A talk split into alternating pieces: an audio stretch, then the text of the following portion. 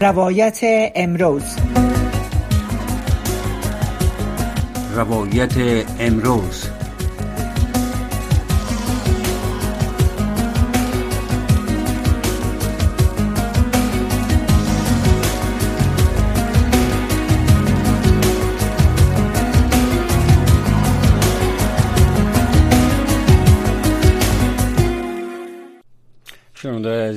سلام عرض می‌کنم.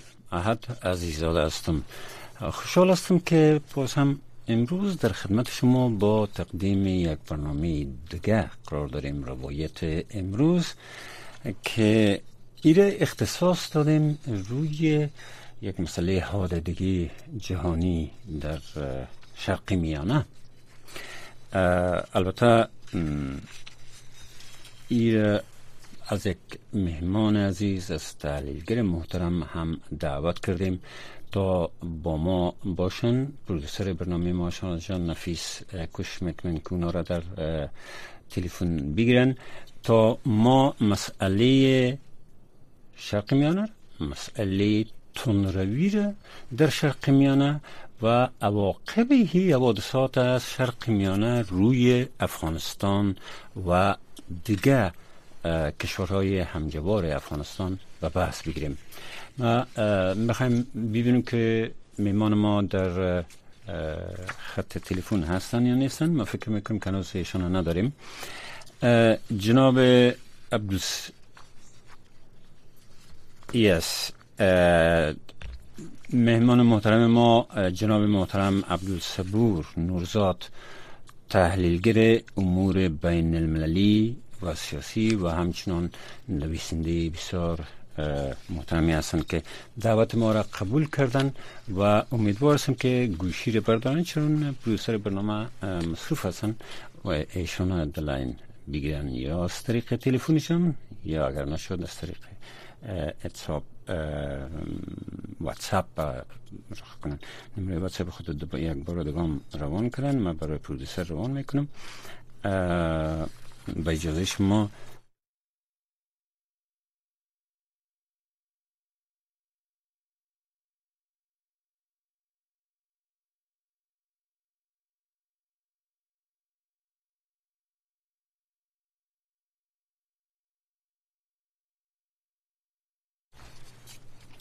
پرویسر بوره برنامه باز هم تلاش می‌کنن؟ اگر نشد باز میشه به اجازه انجینر سیف که در استودیو و گاهی پروسر ما جناب نوزاد از طریق تلفن با ایشون صحبت بکنیم.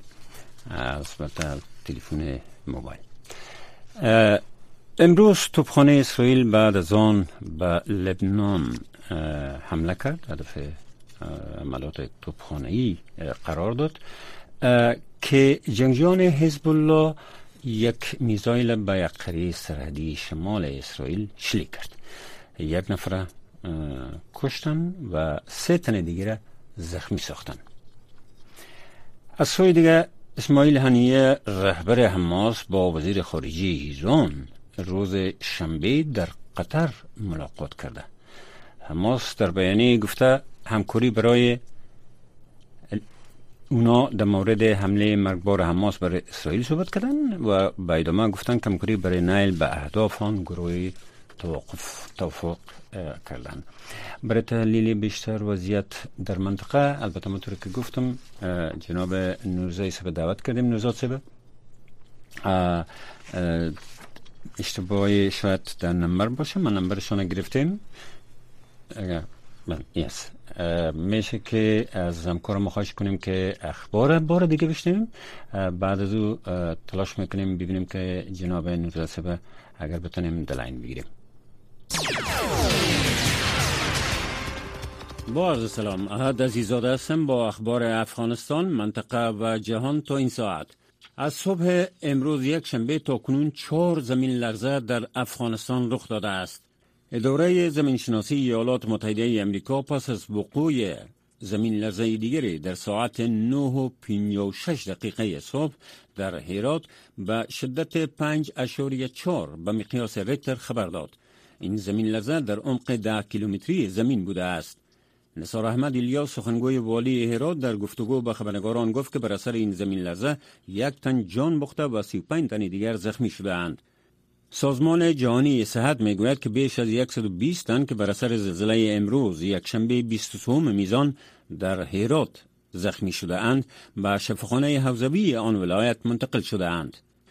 بر اساس معلومات اداره زمینشناسی امریکا زمین لرزه سوم که ساعت 11 و 10 دقیقه امروز رخ داد مرکز آن در دامنه های کوههای هندوکش در افغانستان قرار داشت که شدت آن 4.1 درجه به مقیاس رکتر بود. بر اساس اطلاعات این سازمان این زمین لرزه در عمق 115.1 کیلومتری زمین بوده است. حکومت طالبان تا کنون در مورد دو زمین لرزه اخیر در شمال افغانستان اظهار نکردند. هنوز ارقام و اطلاعات دقیق از خسارات وارده به افغانها در اثر زمین لرزه های اخیر در اختیار رسانه ها قرار نگرفته است. شورای امنیت سازمان ملل متحد با نشر بیانیه حمله روز جمعه 13 اکتبر بر مسجد امام زمان در شهر پلخمری مرکز ولایت بغلان را محکوم کرد. اعضای این شورا در بیانیه ضمن نکوهش این حمله و ابراز همدردی با خانواده های قربانیان گفته است اعضای شورای امنیت بار دیگر تاکید می کنند که تروریسم در همه اشکال و مظاهر آن یکی از جدیدترین تهدیدها برای صلح و امنیت در افغانستان و همچنین در جهان است. ده ها زخمی بر جای گذاشته است. این حمله انتحاری بیش از سی کشته و بر اساس گزارش خبرگزاری رویترز شاخه خراسان دولت اسلامی داعش مسئولیت این حمله را پذیرفته است. اعضای شورای امنیت سازمان ملل متحد در بیانیه بر لزوم پاسخگویی عاملان، سازمان دهندگان، تأمین کنندگان مالی و حامیان این اقدامات شنی تروریستی و محاکمه آنها تأکید کرده و از همه کشورها خواستند تا با تمام ابزار و مطابق تعهدات خود به قوانین بین المللی و های شورای امنیت شنونده عزیز پرودیسر برنامه ما برای ما گفتن که جناب نوزاد با خود داریم. آقای نوزاد بسیار خوش آمدین. جناب نوزاد ما قبلا بر شنونده عزیز خود معرفی کردم.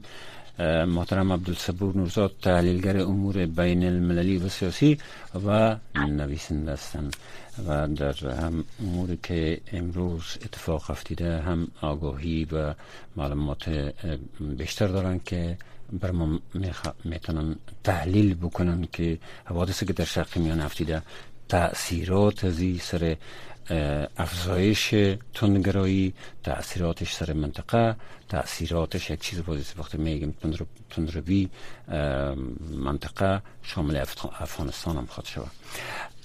جناب نوزا صاحب صدای ما شما میشنید بله جناب عزیز صاحب سلام به شما و به شنونده عزیزتان.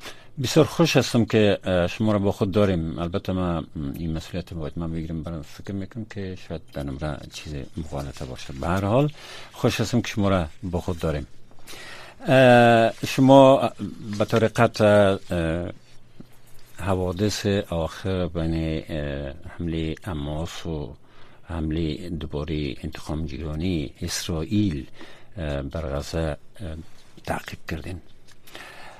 میشه بگوین ای در آغاز فکر می‌کنین این حمله بسیار بسیار طولانی مدت باشه و اسرائیل ام رقمی که بارها اظهار کرده را ای بار هموار بسازه و از سوی دیگه هم گفته که گروه حماس از بین ببره خب بسم الله الرحمن الرحیم. به سلام مجدد.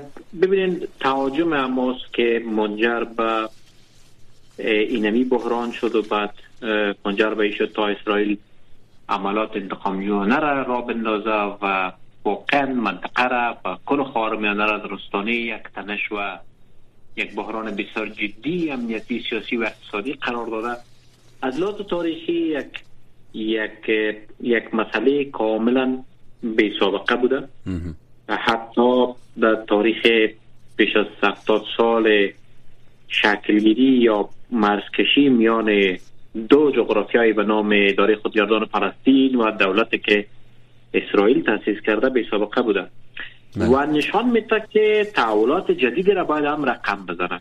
آنچنانی که شما ذکر کردین و در جریان قرار داریم دو طرف برای یک جنگ در مدت ظاهرا آمادگی می‌گیرند سبکشی ها و مربندی های هم شده از لحاظ انتقال تجهیزات نظامی و در بود کلانتر و بزرگترش پای قدرت های مطرح بین و منطقه‌ای مخصوصا کشورهای عرب ایران و بعض کشورهای دیگر به این منازعه میکشانه. من فکر می‌کنم اگر ملل متحد سایر سازمان های میانجی که از اعتبار و پرستیژ بین المللی برخوردار هستند نتانند به موقع مانع بروز این بحران مهلک تاریخی شوند. به گمان اغلب منطقه دچار شدیدترین نوع نزاع نظامی و امنیتی و برخوردای می باشه که می‌تونه تبعاتش تمام خواهر میانه را تحت تاثیر قرار بده خب به این شک وجود نداره که عملی که از طرف حماس صورت گرفت به سابقه بوده واقعا با تکتیک جدید نظامی غیر قابل پیش بینی و در عین حال به مطرق خود متحدین غربی اسرائیل و خود اسرائیلی ها ایران عنوان می‌کنن یک ناکامی مطلق اطلاعاتی و امنیتی بوده. با فرض مثال وقت شما می‌بینین که به اساس ادعای جنبش حماس در یک روز در حدود پنج هزار موشک شلیک میشه از لحاظ نظامی تکمیل و تجهیز و لوجستیک این پنج هزار موشک خود سوال برانگیز است که چطور اسرائیل نتانسته این خلا را کشف بکنه. از طرف دیگه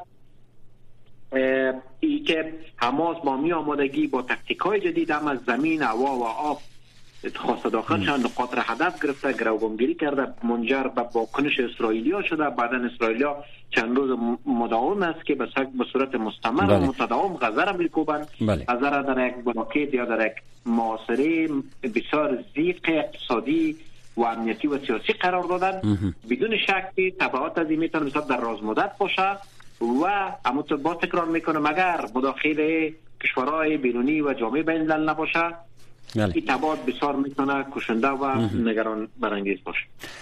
جناب نوزه سب تلاش های مختلف رو دارد. تلاش های که جناب وزیر خارجه ایالات متحده برای انداخته با سفرش به شرق میانه. اما در عین زمان عربستان سعودی که رابطش نسبی بهتر شده بود رابط خود گفته که ما قطع می‌کنیم. ولی گزارش های هم در روزنامه های انگلیسی زبان اروپایی و عربی نشر شده بود که قبلا گویا مصر یکی دو روز پیشتر استخباراتش به اسرائیل حمله داده خبر داده بود که یک حمله اینا شروع می‌کنن. ولی خب اسرائیلی را اگری وقت باشه اگر درست باشه ای گپ زیاد جدی نگرفته برای که حماس یک گروهی خرد فکر می‌کرده اما در این زمان نمی گزارشاتی که داده شده هم تذکر یافته که حماس مصروف ساختن یک گروه نظامی مطلق بوده و هست. این چقدر به نظر شما قابل توجیه است که گروهی که تندروس یک گروهی که باعث تخریب میشه از یک طرف بسیار ناگهانه و غیر قابل باور به این راکت شلیک می‌کنه. و از طرف دیگه گروهی هم داره که او, او را تربیت می‌کنه برای حملات بعدی یا امی حملات که شده. فکر می‌کنین اونا هم امر رقم که شما فرمودین این گسترش پیدا بکنه این حماس توان ازیره داره که در مقابل قوای بسیار مدرن و قدرتمند اسرائیل به مقابله بپردازه خب ببینید که ما یک ضرور مثلا همیانه داریم میگن در جنگ الوا پخش نمیشه. آنچه که حماس انجام داده و آنچه که اسرائیل به عنوان عملیات عملات تلافی جوانه انجام داده یک وجه غیر قابل انکار یک درگیری یا منازعه است به شکل کلاسیکش. یعنی وقتی حمله میشه طبیعتا از طرف مقابل یک ضد حمله صورت می‌گیره. و این به عنوان یک اقدام تلافی جوانه تلقی میشه از لحاظ ادبیات جنگی. در, در مورد مقایسه توانمندی نظامی حماس با اسرائیل خب تفاوت بسیار زیاد وجود دارد. مثلا شما ببینید اسرائیل یک دولت منظم ساخته یک اردوی منظم دارد یا ارتش منظم دارد. ایالات متحده آمریکا متحدین غربی و اروپایی قطعا در حمایت از اسرائیل اعلام آمادگی کردن نظر به موقعگیری قبلیشان. اما از طرف دیگه شما حماس هم می‌بینیم که روابط بسیار نزدیک با ایران داره. ایران در گذشته هم کمک های تسلیحاتی را در خدمت از اینا قرار داده. از طرف دیگه حماس با ترکیه با دولت اردوغان بسیار ارتباط نزدیک داره. کشورهای عربی به خصوص عربستان سعودی و امارات که انتونی برینکن وزیر خارجه آمریکا در چهار روز گذشته مصروف رفت آمد و سفر و گفتگو و رایزنی به خاطر پیشگیری از این منازعه بوده این کشورها نقش بسیار قاطع دارند و عامل و عنصر بسیار مهم گروه های تندرو و افراطی هستند که می‌تونن از فرصت استفاده بکنند. مثلا به طور مثال گروهایی که در افغانستان هستند گروهایی که در پاکستان هستند گروهایی که در سایر نقاط خواهر میانه هستند. گروه شیعه و, شیعه مذهبی که در عراق هستند در لبنان از بلای دمنان یک ظرفیت کلان نظامی است. اینا می‌تونن در تبانی و امانگی بسیار نزدیک با حماس در یک جبهه در سطح حماس قرار بگیرن و از طرف دیگه شما اسرائیل دارین با یک ارتش منظم و حمایت بین المللی. بنان از این خاطر نگرانی اصلی معی است که اگر قرار باشه چونین درگیری رخ بوده تبعاتش بسیار بزرگ خواهد بود و تمام منطقه را در بر می‌گیره. و طرف دیگه یک منبع بسیار خوب تبلیغاتی به تمام گروه های تروریستی به شمول گروه طالبا شده که اینا اخبار ما تقریبا چند دقیقه پیش مطالعه کرده. میست که طالبا در کانال های تلگرام و اینستاگرام مردم تشویق می‌کنن بر رفتن به جنگ فلسطین. و این خودش می‌تونه برای این جنگ سرباز بسیار ارزان و مفت استخدام بکنه و تبعاتش تمام منطقه را متاثر بسازه. به شما یاد کردین از گروه های تندرها به شمول یک چیز بازیز به شمول افغانستان گروه دایش شاخ خراسانش دوجه مسئولیت چند حمله را به دوش گرفته حتی آخرین حمله روز جمعرم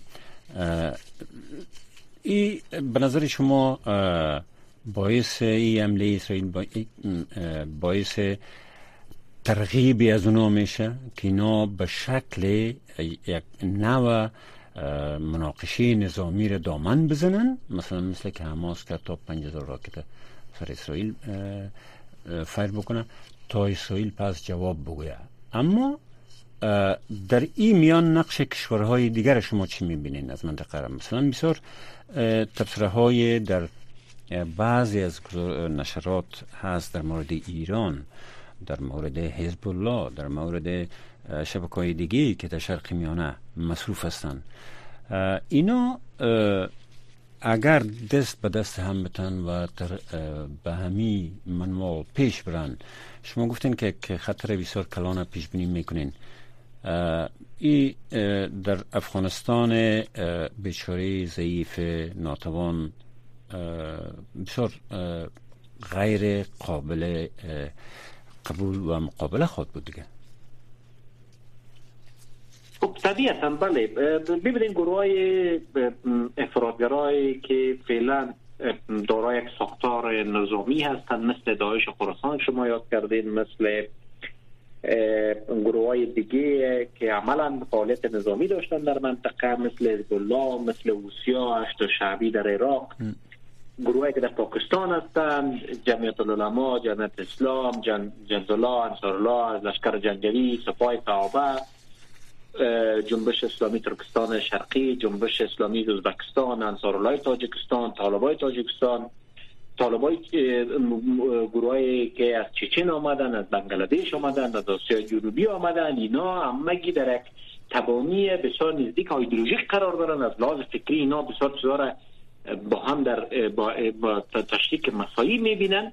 به این خاطر ما فکر می‌کنم گروه در چه مواقع همی گروه می‌تونن از از چنین فرصت ها هم به خاطر تحریک و تهیج مردم به خاطر بلند کردن یک دایی خب نشان داده میشه در رسانه که اسرائیل عملا غزه را بمبارد می‌کنه. بیش از یک میلیون فلسطینی بیچاره امروز به سرپناه شدن. مردم عام و غیر نظامی که اصلا با جنگ و نزاع سرکار نداشتن. غزه عملا در معاصره اقتصادی و سیاسی قرار داره. آب نان و گاز و برق نیست برای مردم و خود می‌تونه خود یک بخش دیگه جنگ باشه و هم می‌تونن این گروه از این تو فرصت ها سربازگیری بکنن بفرستن تا بیشتر میدان جنگ هم مشتعل نگاه بکنن. و استفاده از چنین فرصت ها می‌تونه به موجه ایدئولوژیک با ترنوانی از اینا بیشتر یک قوت و استقامیت بیشتر بده. بنابراین من فکر می‌کنم آنچه که امروز در فلسطین جریان داره به نزاعی که باید مختص تنها برای منطقه خاور میانه باشد تبعاتش بسیار زیاد شوهای امنیتیش و شوهایی که مزراتش که می‌تونه تمام مناطق تحت تاثیر قرار بده به افغانستان کماکان می‌رسه و, و گفتم که قبلا امیال هم طالبا در حال و دیگه گروهایی که ما اینا آمدن از دیگه کشورها در حال تحریک مردم هستند تا اینا به این جهاد بپیوندن. ببینید ما از لحاظ ای که عمل در افغانستان خود ما چقدر مشکل داریم و جنجال داریم. و عمل نمی گروه تروریستی در افغانستان چقدر ظلم و جنایت می‌کنه این یک طرف می‌گذارن ولی تمام فکر کوشش می‌کنن معطوف کنن به موضوع غزه و آنچه که در غزه به عنوان یک بحران جریان داره. من فکر می‌کنم این یک موضوع بسیار زیاد امنیتی شده با بسیار کلان. و می‌تونه روز عباد از گسترش پیدا بکنه و می‌گیره متاثر بسازه یعنی به شمول افغانستان شما هم گرفتین به شمول اوکراین مازلیش هم زیر شوایی ای اخبار جنگ اسرائیل و حماس ادامه داره قرار میره. به نظر شما قابل مهار است یا نیست؟ یعنی فعالیت های در, در اول خود خود گروه های تروریستی. چطور می‌تونن یا مهار شون خب ببینید تروریسم به عنوان یک از چالش های عمده امنیت بین الملل محسوب میشه. امروز برخلاف دیدگاه واقع گرایانه که دولت ها را تنها بازیگرا در فعل و انفعالات بین المللی محسوب می‌کردن دیدگاه فراختر از او امروز بازیگرای غیر دولتی را به عنوان گروه های چند ملتی گروه های تروریستی بازیگرایی که قدرت توانمندی منابع قدرت در اختیار دارند اینا را به عنوان عاملین یا کمک بر امنیت و یا مخل امنیت حساب می‌کنن. توریزم از جمله از امو چالش های است که در برابر امنیت بین وجود داره. متاسفانه بعد از به قدرت رسیدن طالب ها در افغانستان افغانستان عملا به پایگاه تروریسم بین المللی مبدل شده. و یک منبع اشاعه افکار تندروانی جدا از حقیقت های اعتقادی مسلمان ها مبدل شده و با چنین مواقع افغانستان می‌تونه میدان سربازگیری بسیار مناسب برای اینا باشه. ای که آیا توریسم قابل مهارت نیست؟ بله اگر راهکارهای متحدانه منسجم و متعلمال منطقه و جهان باشه تعریف واحد از تروریسم به وجود بیاید مثلا اگر شما حساب می‌کنین که اما از بلا تروریست است ولی با طالب می‌خواین تعامل بکنین این خود یک خلا و نقیضه بزرگ در تعریف خود تروریسم داره ما باید از تروریسم تعریف واحد را بکنیم. بر مبنای ارائه همین تعریف واحد باز یک مبارزه هدفمند سازمان سازماندهی شده متمرکز به یک هدف خاص به خاطر استقرار صلح و آرامش در اقصار قات جهان بساس ازی می‌تونیم حرکت بکنیم. ولی امروز بله. می‌بینیم که از تروریسم کشورهای مختلف استفاده می‌کنن بهرهجویی می‌کنن. سوی استفاده و استفاده از کارت تروریسم امروز در رقابت بین قدرت های بزرگ جهانی و منطقه‌ای به امر معمول مبدل شده. تا زمانی که ما چونین استفاده از کارت تروریسم و گروه تروریستی را در کارنامه دولت ها به خاطر پیشبرد رقابت داشته باشیم. مهار و مبارزه تروریسم یک امر محال و ناممکن به نظر می‌رسه. یعنی به نظر شما عکس العمل جهانی هم ایجاد داشته. مثلا در در اکثر ایالات یا ایالات های ایالات متحده گروه های مظاهره کردن به طرفداری و به ضد اسرائیل. به طرفداری البته فلسطینیا که گروه حماس هم شامل فلسطینی است و در جهان تو کشورهای مثل مالیزیا هم مظاهرات کردن به طرفداری از فلسطینیا. به نظر شما این پیشنهاد این معزله بسیار طولانی مدت اگر بگویم بسیار نادینه شده در یک بحران است که از, از, از سالها دهه ها جریان داره. بالاخره چطور باید حل شوی این طرح مسئله دو دولت مثلا می‌تونن می‌تونه یک روی حل باشه که بین اسرائیل و فلسطینی ها یک صلح دائمی رو بره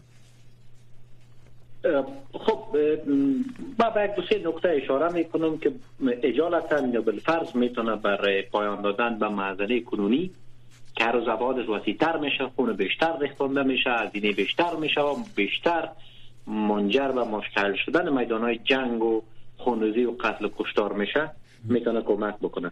اولین کاری که امکان داره است که یک دولت مستقل فلسطینی به اساس همون مرسای 1967 که ملل متحد و سایر کشورها او را قبول کردن یک راهکار می‌تونه به عنوان یک گزینه مورد بررسی مداقه قرار بگیره. این خواست از تاریخی که اکثریت کشورها ملل متحد خواستن تا یک کشور مستقل فلسطینی در کنار اسرائیل با وجود بیاید. مرزهایشان مشخص شود. شامل تمام معاهدات معاهدات حقوقی و الزامی سازمان ملل متحد شوند و به عنوان یک دولت عضو سازمان ملل متحد پذیرفته شوند. اسرائیل هم یک خط قبول بکنه. و یک گام گذاشته شد به خاطر استقرار صلح میان دو کشور.